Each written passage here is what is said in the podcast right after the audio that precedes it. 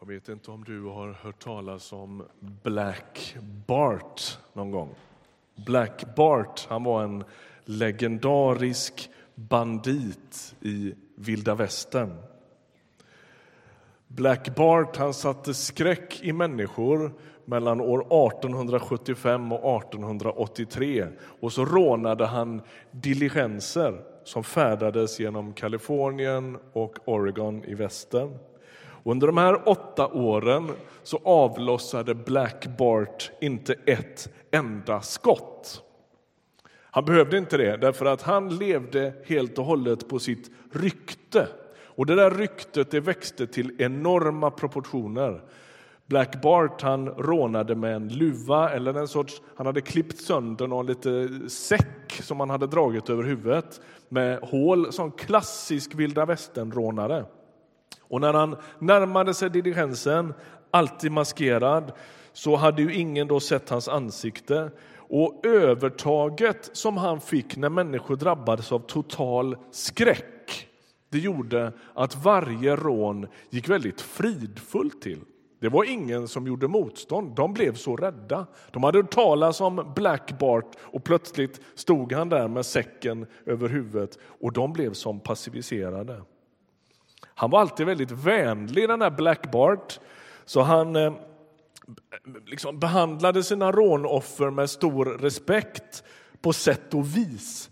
För han snodde ju allt de ägde, men han gjorde det under vissa hyfsade former ändå. Då, va? Han beskrivs som en gentlemannamässig rånare och vid ett par av rånen så lämnade han till och med en liten dikt efter sig. Lite poetiskt så, va?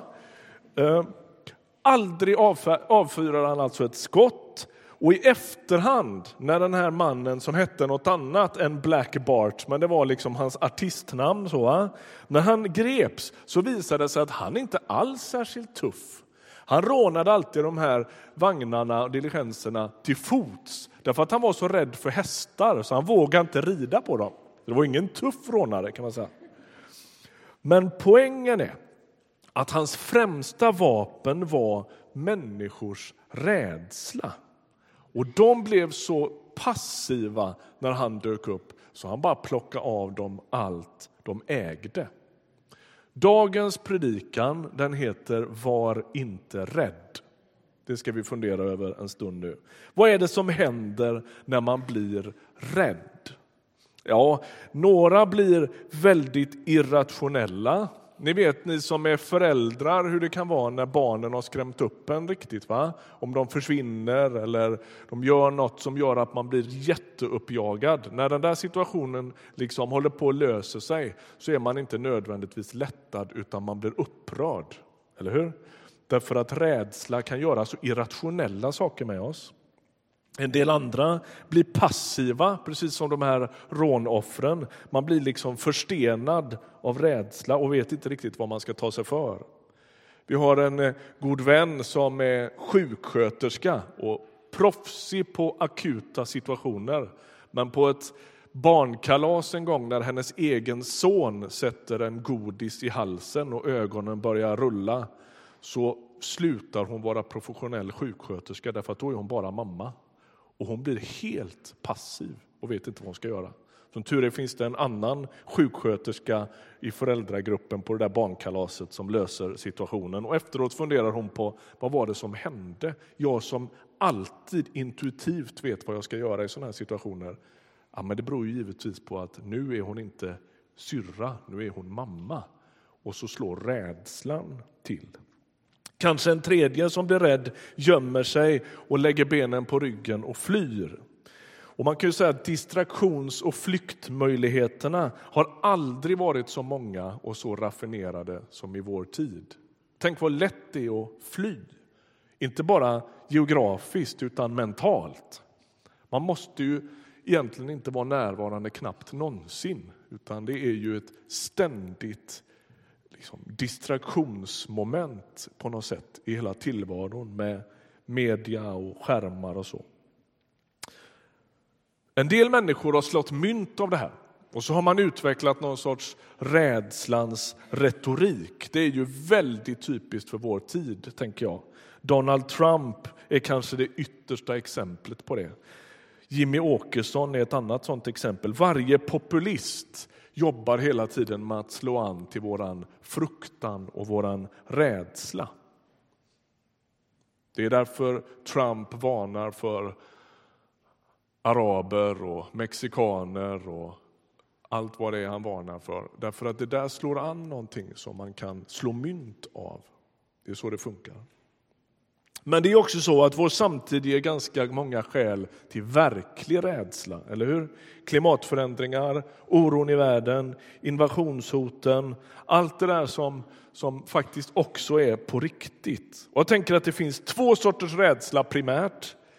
Det finns den där liksom onödiga rädslan, när man är rädd helt oproportionerligt till de faktiska omständigheterna. Ni vet, det är det där som händer när man vaknar klockan halv fyra, fyra på morgonen och alla problemen växer till berg.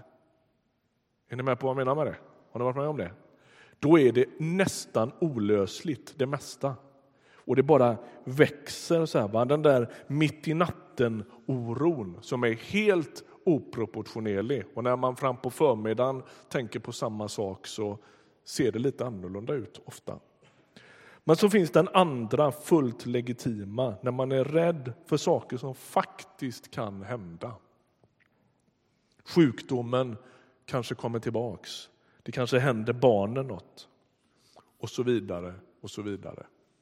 Och nu ska vi läsa en text som handlar just om hur omständigheterna ger ganska goda skäl för fruktan och vad som händer när Gud liksom räknas med i den kalkylen och ekvationen. Vi läser från Andra Kungaboken kapitel 6, Gamla testamentet, vers 8. En gång när Arams kung låg i krig med Israel överlade han med sina officerare och angav var de skulle anfalla. Genast skickade då gudsmannen bud till den israelitiske kungen och varnade honom för att ta vägen förbi den ort som arameerna tänkte anfalla. Kungen skickade i sin tur bud till orten som gudsmannen nämnt och varskodde folket där så att de var på sin vakt. Samma sak hände gång på gång. Detta gjorde arameerkungen bekymrad och han sammankallade sina officerare och frågade kan ni säga vem, mig vem det är bland oss som står på den israelitiske kungens sida? Ingen, herre konung, svarade en av dem. Men Elisha, profeten i Israel, meddelar sin kung till och med vad du säger i din sängkammare. Då befallde kungen, gå och ta reda på var Elisha finns så att jag kan skicka folk för att gripa honom. När kungen fått rapport om att Elisha befann sig i Dotan då sände han dit hästar och vagnar och en stor truppstyrka. De kom på natten och belägrade staden. På morgonen, då gudsmannens tjänare kom ut fick han se att staden var omringad av en truppstyrka med hästar och vagnar. Ack, herre, vad ska vi ta oss till? ropade han. Elisha svarade, var inte rädd. Det är fler på vår sida än på deras. Och han bad, Herre, öppna hans ögon så att han ser. Då öppnade Herren tjänarens ögon och han såg att berget var fullt av hästar och vagnar av eld kring Elisha. När aramena ryckte an bad Elisha till Herren, slå detta folk med blindhet, och Herren slog dem med blindhet som Elisha hade bett. Det är inte den här vägen och inte den här staden, sa Elisha till dem. Följ mig så ska jag föra er till mannen ni söker. Så förde han dem till Samaria och när de kom dit bad Elisha, Herre, öppna deras ögon så att de ser. Och Herren öppnade deras ögon så att de såg. Då upptäckte de att de var inne i Samaria. När den israelitiske kungen såg dem frågade han Elisha, ska jag hugga ner dem, fader? Elisha svarade, nej, det ska du inte. Brukar du ens hugga ner dem som du tar till fånga i strid? Sätt fram mat och dryck till dem så att de får äta och dricka och låt dem sedan gå till sin herre. Kungen ordnade en festmåltid för dem och när de hade ätit och druckit lät han dem gå och de återvände till sin herre. Sen slutade arameernas strövkårer att tränga in på Israels område. Profeten Elisha Han är lärjunge till Elia som också var profet. År 930 före Kristus, alltså 3000 år sedan ungefär, så delas Israel, riket, upp i två stycken delar. I Nordriket, som kallas för Israel, och Sydriket, som kallas för Juda. Och Elisha han lever i Nordriket Israel och dagens historia utspelar sig ungefär år 850 före Kristus. Har i bakgrunden lite så va? Och i den här berättelsen då så ligger Israel i konflikt med arameerna, ett omgivande folk. Och den där Aram, kungen i Aram, han, han gör upp planer. Men Israels kung Joram, han ligger hela tiden steget före. Ni hörde det. Han vet liksom hela tiden vad den arameiske kungen ska göra. Och då tror ju naturligtvis den här arameiske kungen att han är utsatt för någon sorts spioneri. Vem bland oss är det som läcker information? Ni känner igen det där va? Hackers of Israel, tusen före Kristus. Det är ingen som läcker hos arameerna, utan profeten han vet genom Guds röst vad Arams kung ska hitta på. Och Det här blir naturligtvis ett problem för arameerna. Så de drar ut med den här truppstyrkan för att skära av informationsvägen och för att ta profeten Elisha till fånga. Tänk dig nu, Elisha han har en lärjunge, den unge bibelskoleeleven. Han vaknar på morgonen vill man säga, men han vaknar på förmiddagen och så drar han på sig sina mjukisbyxor som elever på bibelskola alltid har på sig. Och så hoppar han i sina morgontofflor och så går han ut ur huset. Och då ser han att allt har förändrats över natten. Plötsligt ser det helt annorlunda ut. Hela staden är belägrad av fienden och det finns inte en chans att komma undan. Och så kommer nyckelfrågan. Vad ska vi ta oss till? Det är en bra fråga när allt spricker sönder. Vad hela livet ska jag ta mig till? När fruktan griper tag, när alla utvägar verkar stängda och när det enda man hör är sitt eget bultande hjärta. Vad gör man då? När man misströstar om livet, när allt hopp verkar vara ute, vad ska man då ta sig till? Man kan ju göra som de här tre exemplen i början. Här, va? Man skulle kunna antingen bli helt irrationell, man kan ju bli helt passiv och bara strunta i alltihop. Eller man kan försöka fly på något sätt, låtsas som att det onda inte finns. Alltså världen står i brand som kanske, ja, det är sällan vi har skådat något sånt. I alla fall är det sällan vi har vetat om allt på det sätt som vi gör nu. Jag tänker att den har stått i brand hela tiden, men nu blir det ju i realtid på något vis. Va? Varenda nyhetssändning är ju dramatisk på massvis med sätt. Flyktingkatastroferna eskalerar. Klimathotet är extremt allvarligt. I november uppmättes en temperaturökning på 20 grader under en kort period i Arktis. 20 grader jämfört med det normala. Vad är det som håller på att hända? Den ene galningen efter den andra tillskansar sig för mycket makt. Erdogan, al-Assad, IS, Trump. Det finns ju hur många galenpannor som helst. Då, står det, då kommer profeten ut ur huset.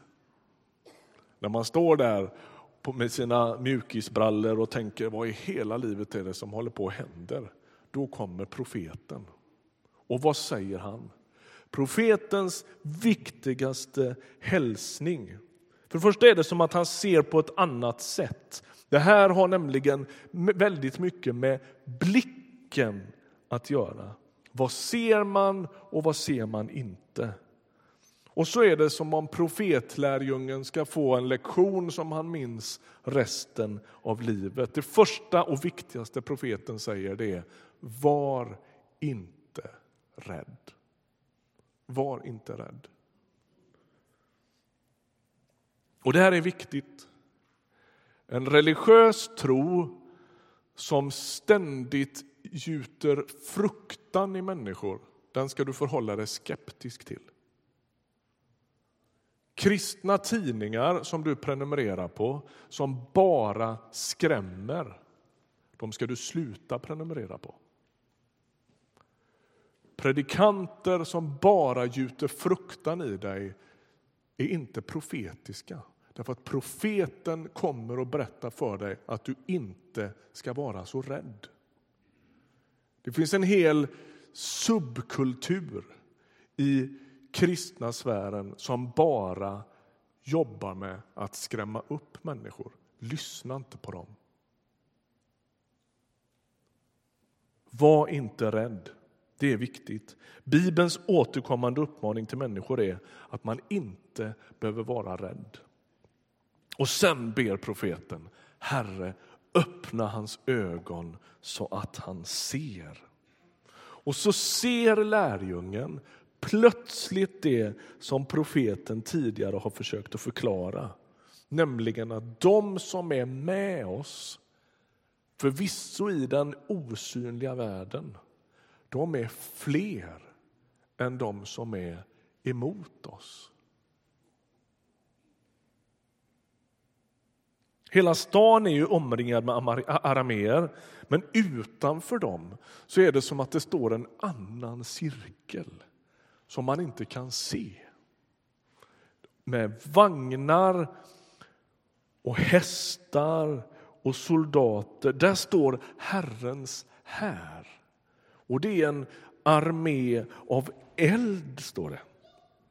På berget ovanför den här stad, omringade staden, där står Guds egen armé.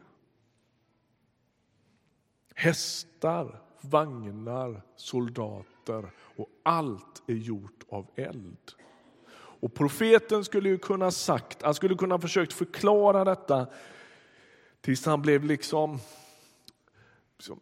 man kan gå i många varv som helst och försöka förklara hur det här hänger ihop. Men det han gör är att han ber att Gud ska göra ett under med lärjungens blick. Och jag tänker att det är det som går åt. Vi kan lägga ut texter och det ska vi göra. Vi ska läsa, vi ska uppmuntra varandra, vi ska predika och lyssna och utbyta och sjunga och påminna varandra. Men at the end of the day är det som att Gud måste göra någonting med vår blick så att vi ser. Det är som att en av de tematiker som finns genom hela bibelhistorien det är att saker och ting inte är som de först verkar. Det är som att Gud verkar på ett annat sätt, som att han väljer på ett annat sätt, som att han använder en annan sorts människor än vi först tror. Och Det som först verkar starkt är svagt och det som först verkar svagt är starkt. Det är så det funkar i riket baklänges och riket annorlunda. Var inte rädd. Hur ska man förstå en sån uppmaning i vår tid? Är det mod som saknas? Är det för lite macho i den här profetlärjungen? Skulle han behöva liksom gaska upp sig lite? Nej, det är inte det som saknas. Det här handlar inte om äventyrare, det handlar inte om fighters. Det är inte musklerna som ska spännas, utan det är ögonen som ska öppnas. Är du med på det? Det är inte musklerna som ska spännas, utan det är ögonen som ska öppnas. Det handlar inte om att gasa upp sig och nu ska vi minsann, utan det handlar om en annan blick. Att se på tillvaron som Gud ser på den. Att se på omständigheterna med någon sorts ögon som har vidrörts av Gud själv. Jag tänker att det är därför man åker till Zambia till en liten by som ingen knappt har hört talas om. Därför att man ser något som andra inte ser. Eller hur? Är ni med? Alltså, det, det, det handlar om att Gud någonstans måste göra någonting med vårt seende. Och när Jesus är inne på samma spår, då säger han känn ingen oro, tro på Gud och tro på mig. Rädslans motsats är alltså inte mod, utan tro. Så säger jag det igen, för det är, du vet när du kommer hem idag och de frågar vad handlar det om idag, då är det den här meningen. Är ni med? Rädslans motsats är inte mod, utan tro. Jesus säger, var inte rädd, utan tro. Han säger inte, var inte rädd, utan var modig. Det är inte det han säger.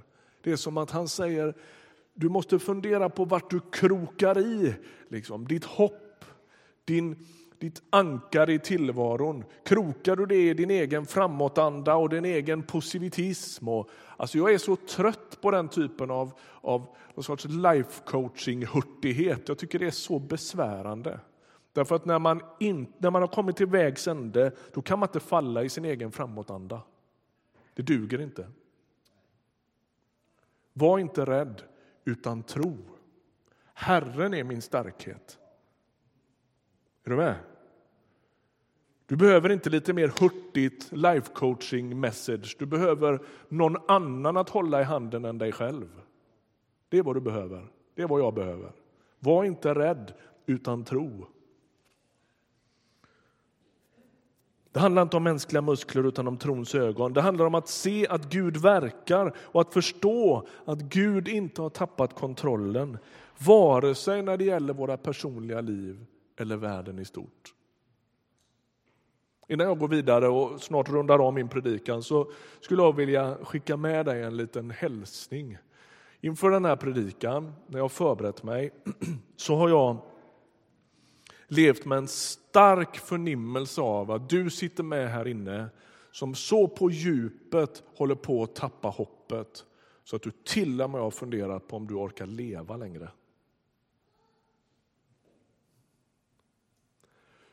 Och jag tror att du har tänkt tanken att det skulle kunna vara en utväg. Jag tror att det har med din personliga situation i din familj att göra. Du tänker, jag vet inte om jag orkar leva längre. Och jag, jag tror att jag har en hälsning till dig idag. Och det är, var inte rädd. Gud har inte vänt sitt ansikte ifrån dig. Han bär dig, han skyddar dig, han ser dig, han jagar efter dig.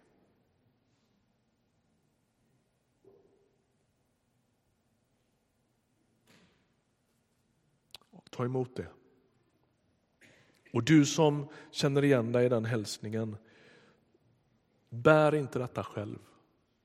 Sök dig till en förebedjare eller en pastor efter gudstjänst eller när du vill så att vi får möta dig i det. Jag har också smakat en del av den hopplösheten. Våga sök hjälp för det. Gud går med dig. Han har inte lämnat dig. Det finns ljus. Samma tanke om blicken tas upp i Nya testamentet. Paulus skriver till de kristna i Efesos, en fantastisk text. Första kapitlet i Efesiebrevet, då säger han så här. De kristna, ganska nykristna, några år har de varit trott på Jesus. Och så skickar han brev till dem och så står det så här. Jag upphör aldrig att tacka Gud för er när jag nämner er i mina böner sedan jag nu har hört om er tro på Herren Jesus och, hans, och er kärlek till alla de heliga. Jag ber att vår Herre Jesu Kristi Gud, härlighetens fader, ska ge er en vishetens och uppenbarelsens ande som låter er få kunskap om honom. Må han ge ert inre öga ljus så att ni kan se vilket hopp han har kallat oss till. Vilket rikt och härligt arv han ger oss bland de heliga. Hur väldig hans styrka är för oss som tror. Samma oerhörda kraft som han med sin makt lät verka i Kristus när han uppväckte honom från de döda och satte honom på sin högra sida i himlen. Högt över alla härskare och makter och krafter och herravälden, över alla namn som finns att nämna, såväl i denna tiden som i den kommande. Allt la han under hans fötter och honom som är huvud för, över allting gjorde han till huvud för kyrkan som är hans kropp fullheten av honom som helt uppfyller allt. Må han ge ert inre öga ljus, säger Paulus, så att ni kan se vilket hopp han har kallat oss till.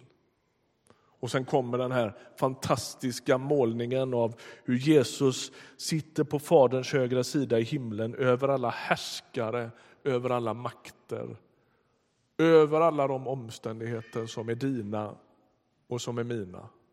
Över alla de hopplösa konflikter som är världens. Må han ge ert inre öga ljus så att ni kan se. Den botten som finns i Nya testamentet för att gjuta mod i de troende, det är att Jesus har uppstått. Den enskilda händelse som förändrar allt är att graven är tom. Det blir så tydligt i den här texten. Det är i den enskilda händelsen som all tro djupast vilar.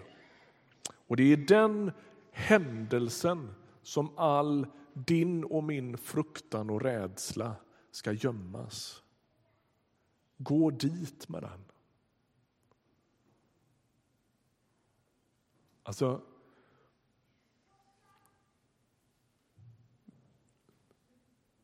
Tänk dig när de lägger Jesus i en grav. Allt hopp är ute. Allt är kört. Livets herre är död.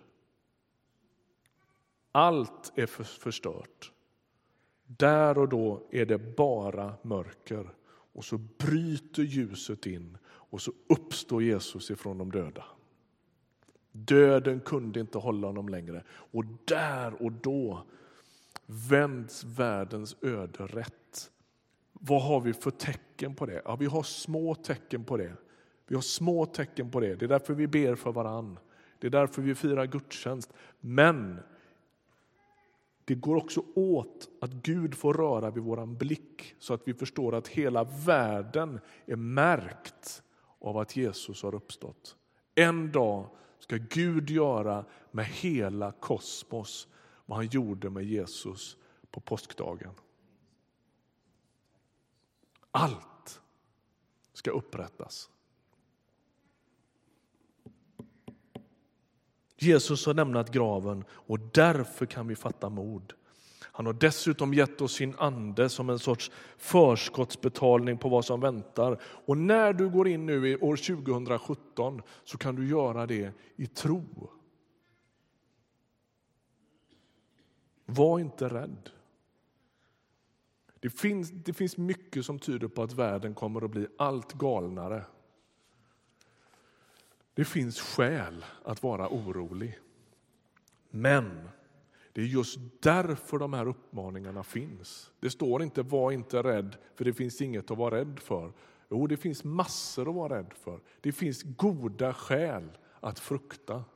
Men det finns ett ännu starkare skäl att tro. Och det är att graven är tom. Vi behöver be om öppnade ögon så vi kan se hästarna, vagnarna av eld. Är världen en farlig plats? Ja, det är den. Finns det skäl att vara rädd? Ja, det gör det. Och det är här tron kommer in.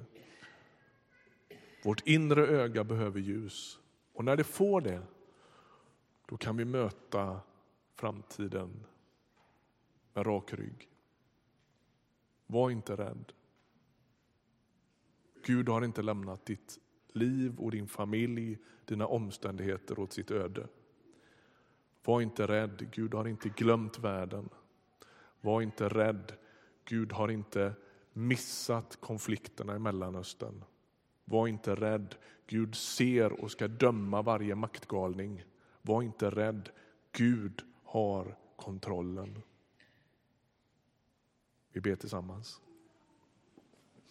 Tack Jesus för att du är här och att du vill lyfta av oss våran fruktan.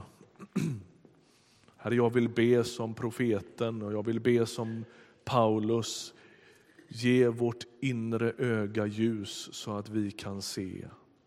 Öppna vårt inre öga så att du blir verklig för oss. Gör oss sanna.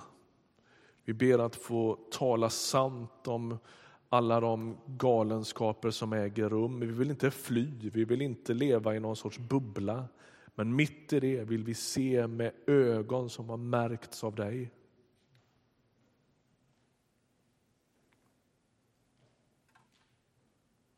Gå särskilt till den som håller på att förlora hoppet.